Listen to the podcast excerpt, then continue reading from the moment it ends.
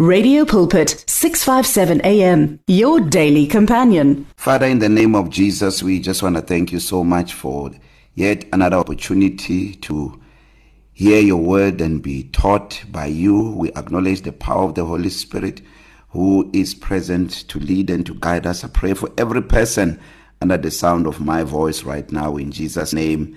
Amen and amen. Welcome to the broadcast. My name is Pastor Kenny Mukwena and it's time for you to experience the blessing. Today we're starting a new conversation which um, I'm very excited about.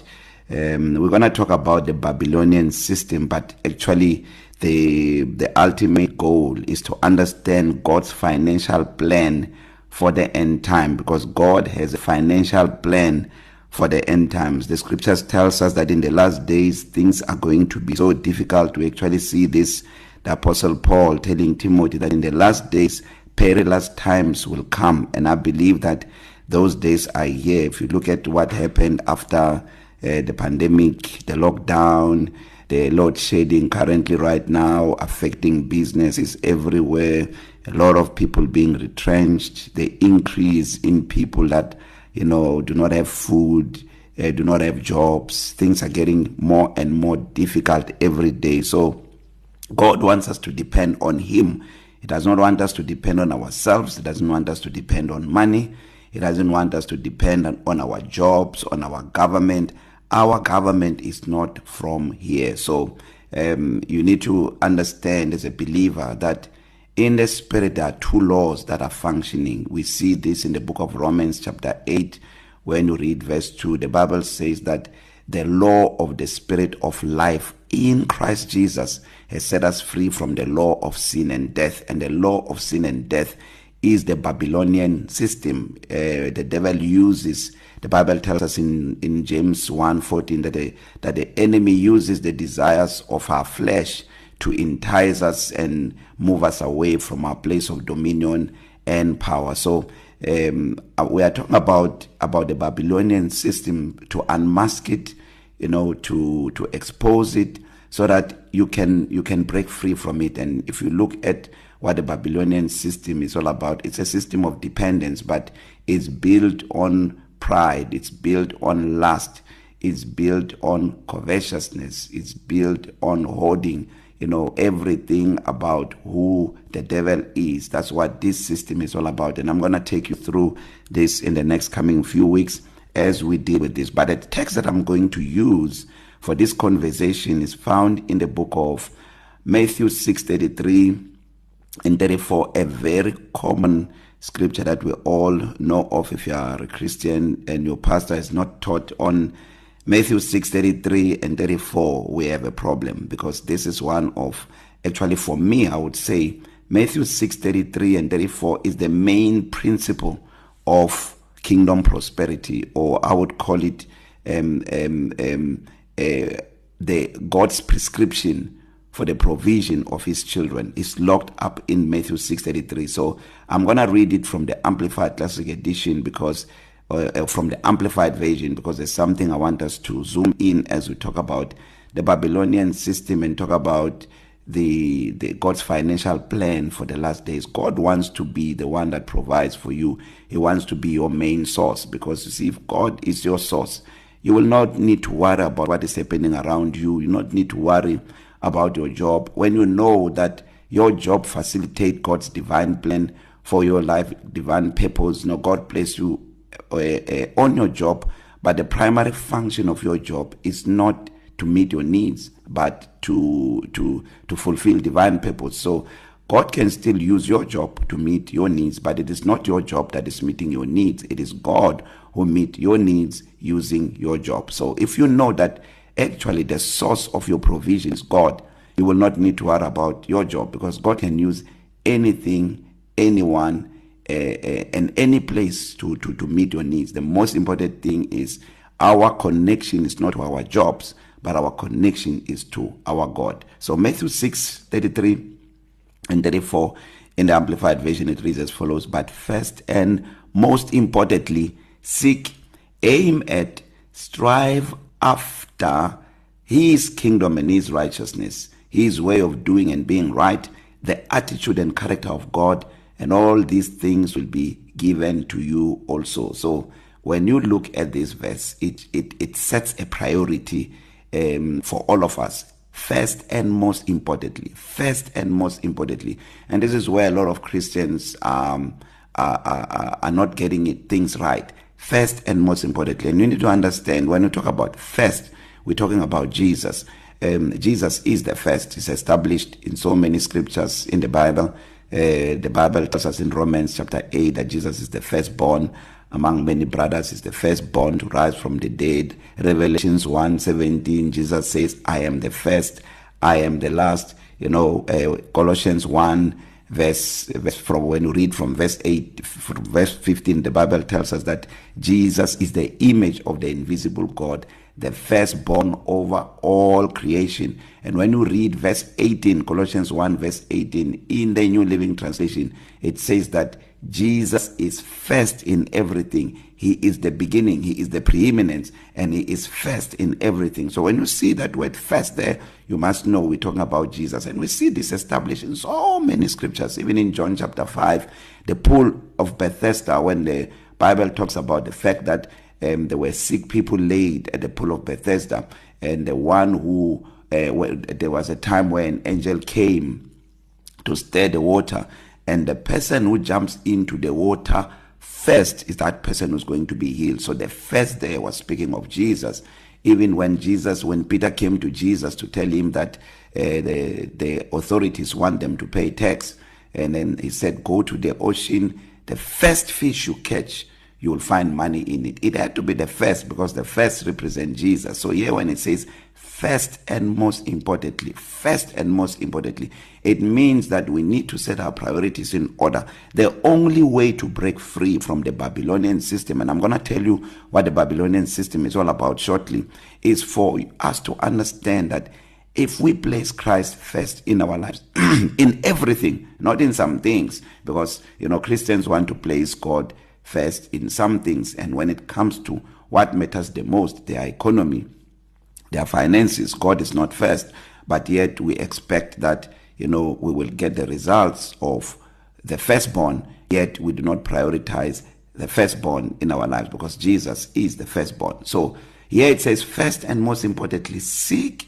aim at and strive. You know when you aim at something you you you, you there's no room for error because you are aiming at something. And and and it says strive. When you strive for something there is there is diligence that is employed. When you're striving for something you aiming at something. And then it says his kingdom and his righteousness. And then the scriptures define kingdom and righteousness in two ways. His way of doing and being right the attitude and character of God. And then it says all these things will be given to you also. So meaning in a simplified way when you put the priorities in order and yours the sum total of your life is to seek God. And when we talk about seeking God we're talking about where you where you recognize God as the source of everything in your life. It's like the man who uh, uh, the bible tells us that it was Jesus telling the story that this man was uh, uh, he found a treasure hidden in a field. And then when he found that treasure he went and sell everything that he had uh, he went and buy that field. Why? Because the sum total of his life now is in that field. The kingdom of god is like that. We know we need to price the kingdom of god. We need to price god above anything. Our life must be about god in every respect. We wake up in um, in every morning our pursuit is to fulfill divine purpose. We wake up every morning possessed by god. Thinking about God, you know, desiring to fulfill the will of God for our lives. And if you look at Jesus, this is what Jesus Christ came for. And the Bible says, and all these things will be added or will be given. The New King James Version says will be added. But this version that I'm reading, the Amplified, it says, will be given to you also. So it means provision is a gift from God. It's not something that we labor and strive for. So we seek God We go after God as the Bible tells us in, in, in Psalm 34:10, a young lion do lack and suffer hunger, but those who diligently seek the Lord will not lack any good thing. So our priority is to go after God because look, uh, when we talk about seeking God, you need to understand that is the desire of the heart. It's a, it's the love that you have for God. It's pricing the things of God above any other thing. Uh, in comparison to the things of this world, we don't wake up in the morning to seek after things because that's what the Gentiles do. They seek after things, but you and I, we seek after God and we become content. That's what verse 34 talks about. So do not worry about the tomorrow. It says be content about where you are today. Just deal with today. For, forget about tomorrow. Many people that are depressed and anxious are people who jump today today they have food to eat but they're already worried about food for tomorrow the rent for this month is paid but they're already worried about the rent that must be paid tomorrow. Forget about tomorrow. Deal with today. If today you are fine that, that that's all you need. Leave to, tomorrow to the Lord and the Lord will take care of tomorrow. So God is teaching us with this message to depend on him. So what is a Babylonian system? A Babylonian system is an organized worldwide system opposed to God. It is the spirit of mammon that wants to keep you worshiping it, serving it, and not serving God. Remember, in Luke chapter 4, the Bible tells us that the devil took Jesus when he was fasting for 40 days and 40 nights, placed him on a high mountain, and said, All this authority I will give you, all this wealth, all this authority, and their substance or their wealth, I will give it you if you bow down uh, and worship me. And Jesus said, um, uh, uh, I will not we, you know, we worship only God and him only we serve. So Jesus was placed the devil right at his spot. But what I want you to see is what the person was talking to Jesus was the spirit of mammon. And this is what the Babylonian system is all about. The Babylonian system is it's more like the Egyptian system where um, you are constrained. You do not have enough but you do not have anywhere else to look except to look at that system. And the problem with this system is that it wants to keep you in bondage. It wants to keep you busy that you do not have time to serve God. And if you remember where the the Babylonian system come from um, it's a system that was founded by a guy called Nimrod. If you look at Genesis chapter 11 we see um, a, a, the, the, the people of the time led by Nimrod saying in verse 4 Genesis 11 verse 4 where it says let us build ourselves a city and a tower whose top is in the heaven. Let us make a name for ourselves. This is the spirit of pride. It's a spirit of selfishness. It's a spirit of greed. It's a spirit of hoarding. And that spirit when you operate under that spirit you never have enough. You're always anxious looking to get more and you are not able to get more because the system is meant to constrain. So where people want to build things for themselves they want to make a name for themselves and this is what the spirit of Babylon is all about. Um, we're going to talk more about this so that you understand that any system of bondage debt you know anxiety stress everything is built up in the Babylonian system and God wants to deliver you and I today using this message you know to to to get out of the Babylonian system because the law of the spirit of life in Christ Jesus has set us free from the law of sin and death. So the Babylonian system is the law of sin and death. And when you are born again, you've given your life to Christ, he gives you the Holy Spirit and the Holy Spirit facilitate your freedom. That is why the Bible says the Lord is the Spirit and where the Spirit of the Lord is, there is freedom. So I pray that you receive freedom right now by the Spirit of God. I want to pray for you if you're not born again, you've not made Jesus the Lord of your life. This is the moment for you to say yes to Jesus and break free from the law of sin and death and and and be submitted to the law of the spirit of life which is in Christ Jesus. So to be born again is easy. You just believe in your heart that Jesus Christ died on the cross and on the third day God raised him up from the dead and then you make this prayer with me believing from the bottom of your heart that as you make this prayer you are born again so say Lord Jesus I receive you now as my Lord and my savior Amen and amen. If you made that prayer, you are born again. You are my brother, you are my sister. I will see you in heaven. I want to send you um, our free salvation material. It's so loaded, it's so powerful.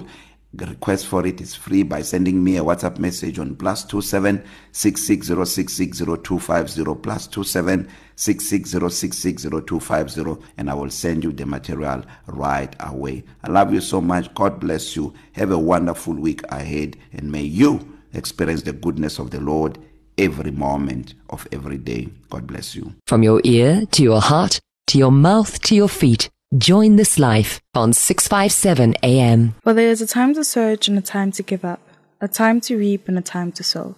Radio Pulpit wishes to be there at all times, even when you just need prayer. Send us your prayer requests by calling 067 429 7564 or email it to prayer at radiopulpit.co.za. Many people across South Africa are being blessed and encouraged by the Radio Pulpit devotional magazine, The Word for Today. This publication places the gospel of Jesus Christ in the hands of more than 100,000 people every day, inspiring every person, from the professional businessman to the needy person who lives in the streets. Each edition contains daily scripture based devotionals and inspiring articles to help you grow spiritually. The booklet is given with the compliments of Radio Pulpit, but your donation, large or small, will help us to print the next edition and continue being the hope of the gospel to a world in desperate need. The Word for Today. Get yours today on 012 334 1200 or subscribe online at www.radiopulpit.co.za. Radio Pulpit, your daily companion. You and 657 AM and life, a winning team on the road to eternity.